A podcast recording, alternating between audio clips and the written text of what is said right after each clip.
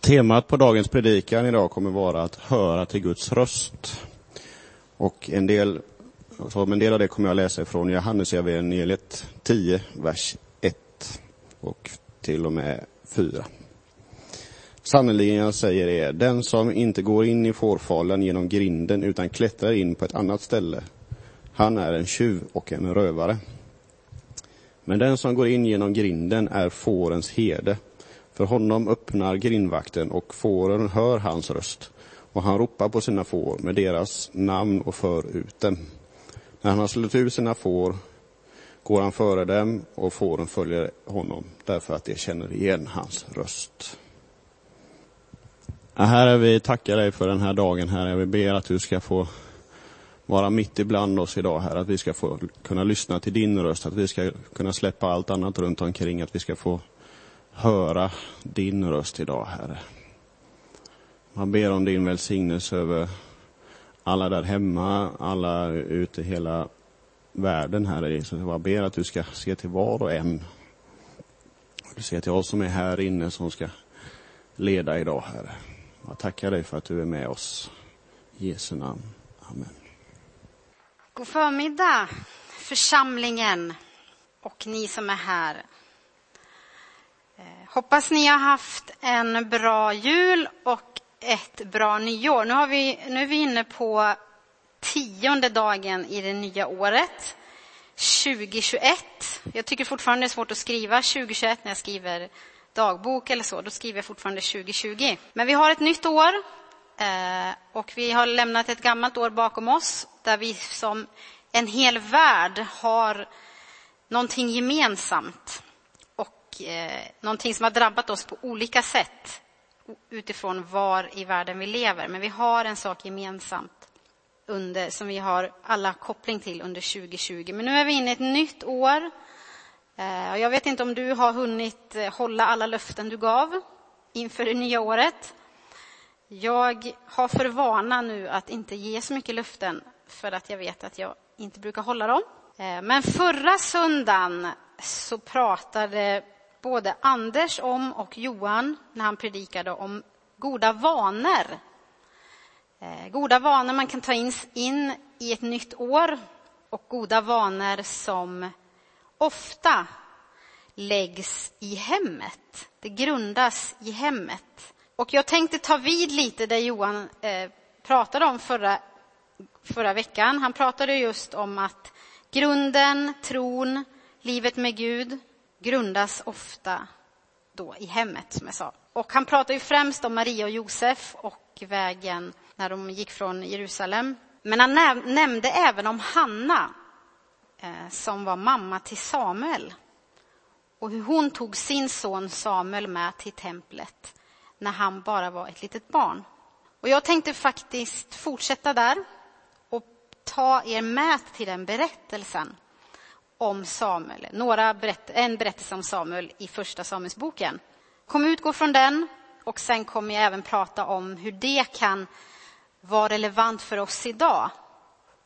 Vad det kan innebära att, att leva tillsammans med Gud och en god vana som Samuel byggde upp, det var att höra Guds röst. Eh, och det kan även vara en god vana för oss att bygga upp i våra liv, att lära oss lyssna till Guds röst. En bra början, precis eh, som jag sa, det är att eh, göra som Hanna, att hon tog med sig Samuel till Guds hus väldigt tidigt. Och vi ska, ta, vi ska läsa den berättelsen ifrån Första Samuelsboken 3, vers 1 till 10. Då står det så här. Pojken Samuel gjorde tjänst inför Herren hos Eli.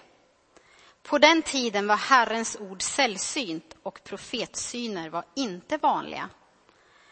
Då hände en gång detta medan Eli låg på sin plats. Hans ögon hade börjat bli skumma så han kunde inte se. Guds lampa hade ännu inte slocknat och Samuel låg i Herrens tempel där Guds ark stod. Då kallade Herren på Samuel. Här är jag, svarade Samuel. Sedan skyndade han bort till Eli och sa, här är jag, du ropade på mig. Men han svarade, jag har inte ropat. Gå och lägg dig igen. Och han gick och la sig. Herren kallade än en gång på Samuel och Samuel steg upp, gick till Eli och sa, här är jag, du ropade på mig. Men han svarade, jag har inte ropat. Min son, gå och lägg dig igen. Samuel kände inte Herren än och Herrens ord hade ännu inte blivit uppenbarat för honom. Herren kallade på Samuel för tredje gången och han steg upp och gick till Eli och sa, här är jag, du ropade på mig. Då förstod Eli att det var Herren som kallade på den unge mannen. Därför sa han till Samuel, gå och lägg dig igen. Och om han ropade eh, på dig, så säg, tala Herre, din tjänare hör. Och Samuel gick och la sig på sin plats. Då kom Herren och ställde sig där och ropade som förut, Samuel, Samuel. Och Samuel svarade, tala, din tjänare hör. Den Samuel som det handlar om här är samma Samuel som senare blir en stor och betydelsefull profet i Israel och också en av de mest betydande gestalterna i Israels historia. Och Samuel han verkade i en tid när, när Israel var i djupt förfall och han talade in Guds ord i olika situationer, både uppmuntran men även tuffa domar faktiskt. Och Samuel var väldigt känslig för Guds röst. Och han hade ju liksom lärt sig lyssna in den. Men han var också ett barn i början som vi kan läsa av den här texten. Som jag sa tidigare så hade då Samuel blivit överlämnad av sin mamma Hanna till Gud, att tjäna Gud i templet. Och nu är han alltså här och han gör tjänst eh, hos Eli, prästen, vars uppgift var att sköta lamporna. Och det kan man läsa mer om i tredje Mosebok 24 om man är intresserad av hur, hur prästens uppgift gick till. Eh, och så står det att på den tiden var Herrens ord sällsynt, inte så vanligt. Men just då talar Gud till en liten pojke.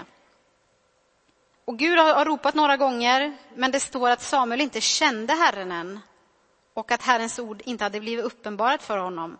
Så, så vad han inte förstår till en början, det är ju att det är Gud som talar. Eh, han går till Eli och tror att det är han som ropar. Och det står ju om Eli att han hade skumma ögon och inte kunde se. Men även om han inte kunde se så kunde han ändå förnimma Guds närvaro, Guds tilltal. Så det handlar kanske inte alltid om att fysiskt kunna se, utan att kunna se Gud genom att förnimma hans tilltal. Och Samuel gör då till slut som Eli säger, att svara, tala Herre, din tjänare hör. Och då får Samuel en profetia som tyvärr inte är så enkel. Det är en ganska tuff profetia som handlar om domen över Elihus. Det är en ganska härlig start, va? Man får en, ett tilltal och så är det en ganska tuff dom. Det kanske inte är det första man vill när man får ett tilltal från Gud. Jag har faktiskt ett väldigt roligt minne från den här, just den här bibelversen. Och det här minnet har jag ihop med Linnea Brohede som är med i vår församling. Och det var 1992 som möttes hon och jag på en språkresa i England. Eh, och vi fann verkligen varann. Eh, och jag kan väl erkänna att hon och jag var kanske några av de tjejer som typ eh, skrattade och busade ganska mycket under resan. Vi hittade på en del bus. Det var ju till exempel inte tillåtet att ha killbesök på rummet. Men en kväll så utspelar sig då följande. En av grabbarna i gruppen, som hette Samuel, han beskriver sig själv som en... Eh, jag pratade med honom inför den här predikan. Eh, och han beskriver sig själv som en olydig yngling som envist smög sig in på tjejernas rum eh, och utsatte ledarna för vaktuppdrag. Och Samuel smög sig in i vårt rum och golvet knarrade och ledarna listade ut att han hade smugit sig in eh, bort från sitt eget rum och till ett annat rum. Eh, och vi sitter och pratar där. Tjejerna sitter, vi tjejer sitter och pratar med Samuel. Och så hör vi utanför hur ledarna letar honom i ett annat tjejrum. Och då får ju vi fullständig panik och tänker vi måste, Samuel måste gömma sig. Så Samuel hoppar in i vår garderob. Och där är det, jag kan tänka er ett tjejrum, det är fullt med grejer som vi har liksom lagt in i garderoben. Så han satt kanske inte jättebekvämt där inne. Och ledarna knackar på och så frågar de efter Samuel. Och vi tjejer har ju såklart svårt att hålla sig för skratt. Vet ju hur tonårstjejer är, eller hur? Ni som sitter här. Vi har svårt att hålla oss för skratt. Och så ropar de på Samuel. Samuel, är du där? Och då hör man honom svara från garderoben, högt och ljudligt. Tala, Herre, din tjänare hör. Var på alla i rummet brister ut i gapskratt. Och utom ledaren då, förstås, som är ganska frustrerad, eh, öppnar garderoben och Samuel ramlar ut. Vissa bibeltexter kan få etsa sig fast i minnet av olika skäl. Den här eh, historien var ett sånt eh, tillfälle. Men åter till bibeln Samuel. Han gick från att tro att det var en människa som talade till honom till att bli den mest betydande profeten i Israel. Han var ju bland annat den som smorde Saul till kung och senare också även kung David.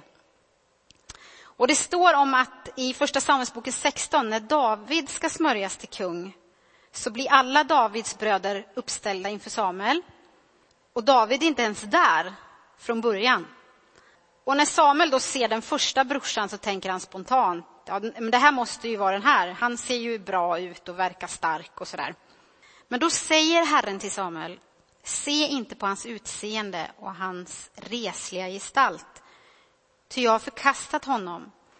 En människa ser det som är för ögonen, men Herren ser till hjärtat.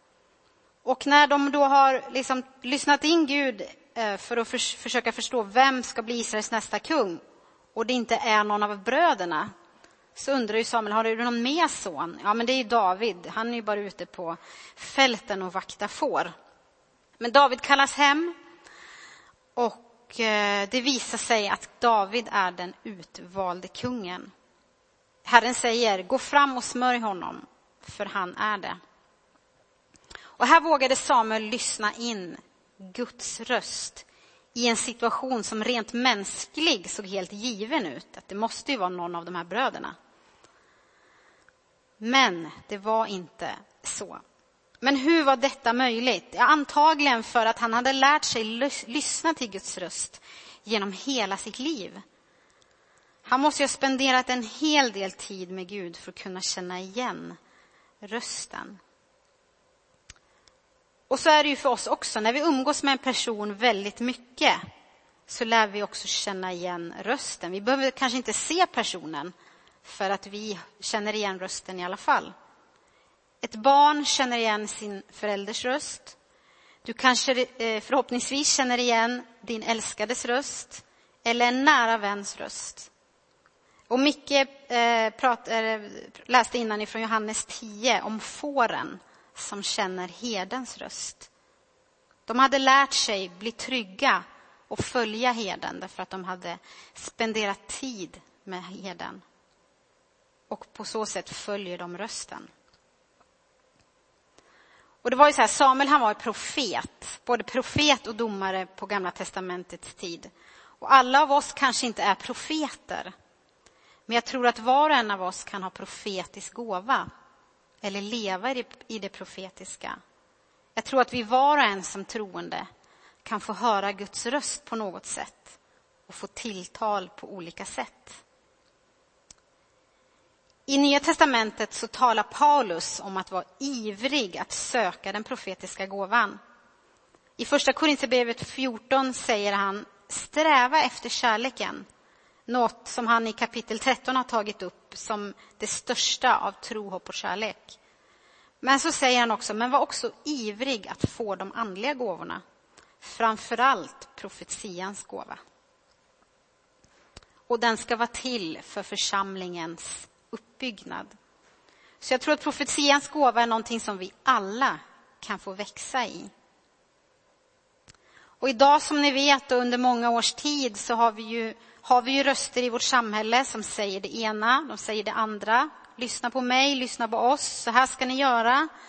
Och ibland vet man inte vart ska jag, vart ska jag lyssna på? Hur ska jag kunna urskilja Guds röst i detta virvar? Då skulle jag vilja ge er några enkla råd idag, eller enkla tips. som du kan följa. Och framför allt, det är kanske inte ett tips utan det är ju en nödvändighet.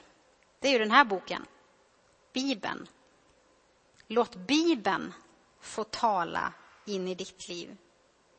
Ja, men tänker du, jag söker ju ett svar på en specifik fråga. Eh, och kanske kan du få svar. Men jag tänker att när du slår upp din bibel så talar den ganska mycket om allmänt Guds ord, vad som gäller i livet. Och min erfarenhet när jag läser Bibeln är att jag kan få tilltal genom en specifik vers. Ibland konkret, ibland kanske mindre konkret. Men ändå en förnimmelse att Gud faktiskt talar genom sitt ord. Ibland kan ju människor tänka att ja, men jag måste spara pengar så därför, därför ska jag inte betala skatt. Men Gud har gjort ganska klart för oss att vi behöver göra rätt för oss i samhället. Så det tror jag inte är en bra grej att gå på. Det finns liksom saker som Gud har förmedlat i sitt ord som inte är förhandlingsbara. För att ta ett jätte, kanske fånigt exempel, det är att jag känner att Gud säger att jag ska sno den här bilen. Det är ju något som talar helt emot Guds ord. Du ska inte stjäla. Då behöver man verkligen pröva sitt tilltal mot ordet. Jag vet, det kanske är ett överdrivet exempel, men ni fattar vad jag menar. Vi behöver eh, pröva det vi får utifrån ordet. Jesus refererade till ordet på flera ställen. Det står skrivet, sa han. Han betonade ordets betydelse. Guds redan givna ord. Så underskatta verkligen inte Bibeln, för Gud talar genom Bibeln. Gud talar också ofta till oss när vi ber. Bön är ju tänkt att vara en tvåvägskommunikation. Vi ber och så lyssnar vi in vad Gud vill säga. Men vi kanske, flera av oss känner igen oss i att man själv bara pratar. Gud, jag ber för det här, tack för det här. Och så rabblar man upp massa saker. Men tänk dig, som ett exempel, att någon kommer till doktorn och förklarar allt som den har problem med. Jag har problem med det här och här och här. Och sen är personen på väg att gå utan att lyssna på vad doktorn faktiskt har att säga in i din situation. Och så tror jag ofta att vi kan göra med Gud. Vi babblar på utan att lyssna på vad han vill säga. Och då blir det bara en envägskommunikation. Men vet du, Gud, han vill prata med dig också. Han vill tala till dig när du tar tid för honom. Det kanske kan vara någonting att tänka på inför det här året. Att sitta inför Gud och lyssna. Eh, vad ska vi då göra med det vi hör?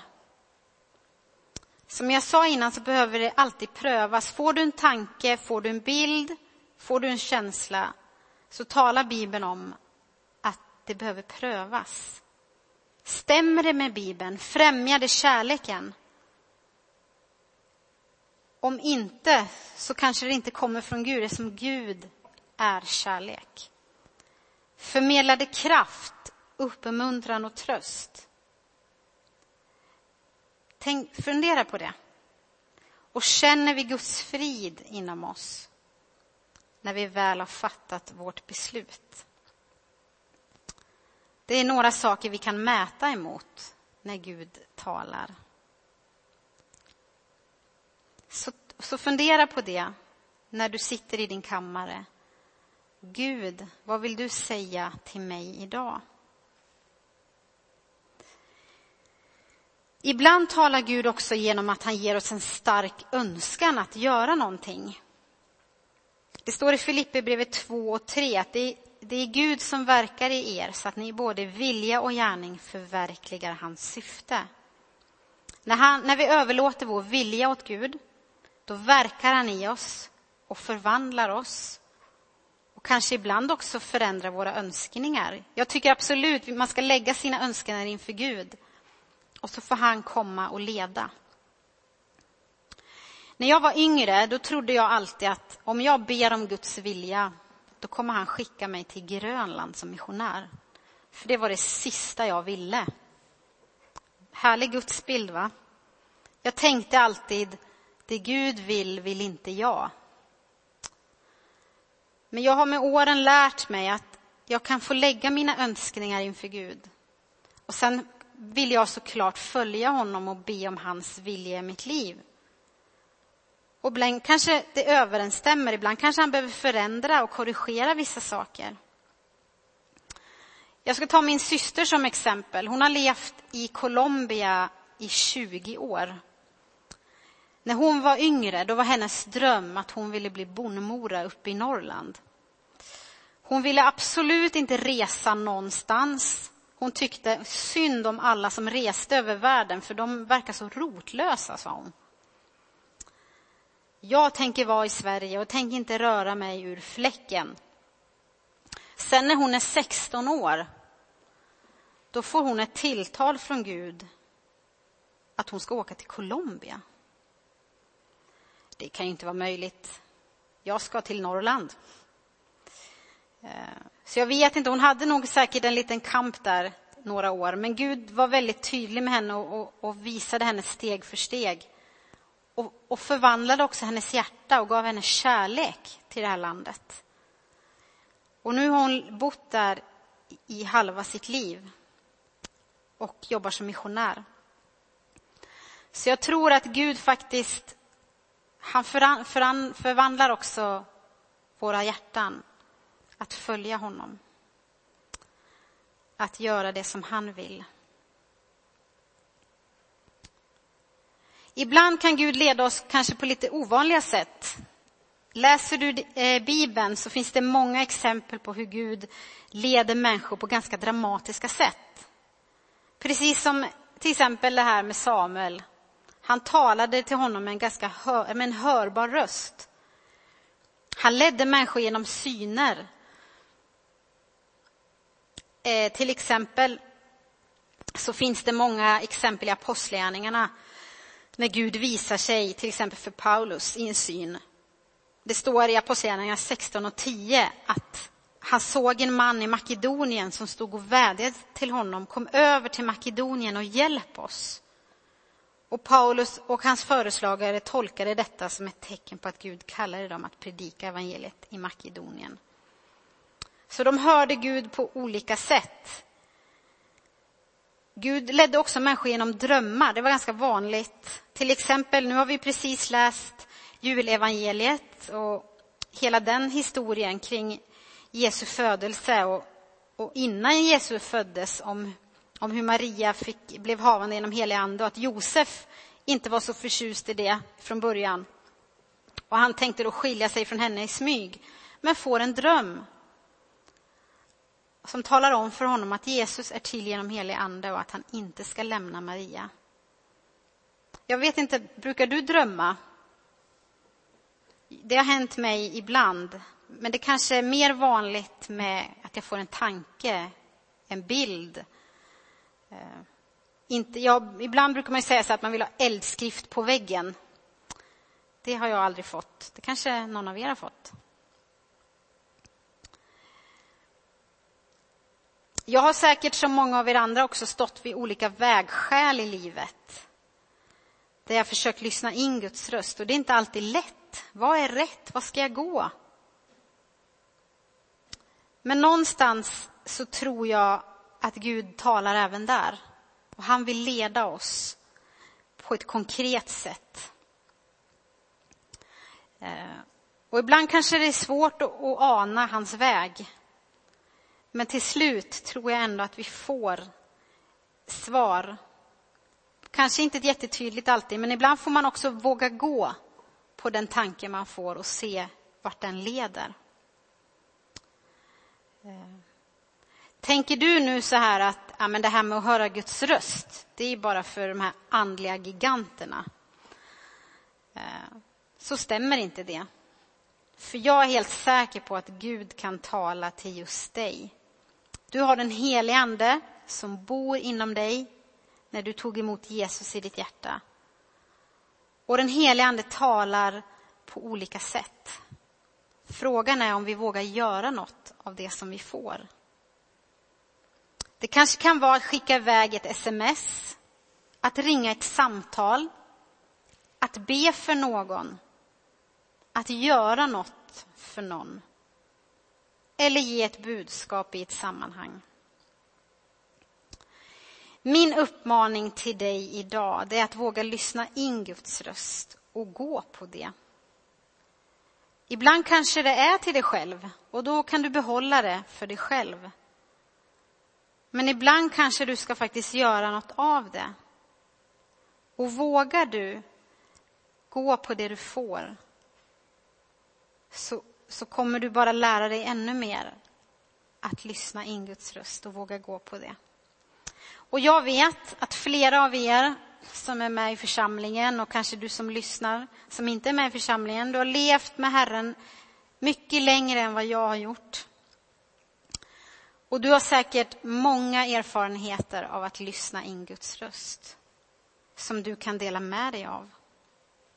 Och i de här tiderna när vi inte kan mötas på vanligt sätt så kanske man kan ringa till varandra i församlingen och dela och uppmuntra varandra vad man har varit med om. Du som är lite äldre kanske ringer till någon som är yngre och delar med dig av erfarenheter. Du som är yngre, hör av dig till någon som är lite äldre än du och fråga hur kan jag lyssna in Guds röst? Hur är din erfarenhet kring att leva tillsammans med Gud? Du kanske kan ha ett digitalt möte med någon, gå en promenad och berätta om de här sakerna. Och varför inte be tillsammans och ge varandra uppmuntrade ord och bilder? Kanske till och med vägledning. Jag vill skicka med det till dig idag, du som sitter här och du som lyssnar bakom skärmen. Att efter den här gudstjänsten, eller innan den här gudstjänsten är slut, sitta i bön och lyssna in. Vad vill Gud säga till oss idag? Vad vill Gud säga till mig idag? Och vad kan jag dela med mig till någon annan? Det behöver inte vara de här stora orden. Det kan vara så mycket enklare än vad vi tror. Till exempel, det var några veckor innan jul så tänkte jag på en person, en vän faktiskt, i min närhet som jag tänkte, men det här är en helt naturlig tanke att jag tänker på henne, att jag ska höra av mig till henne.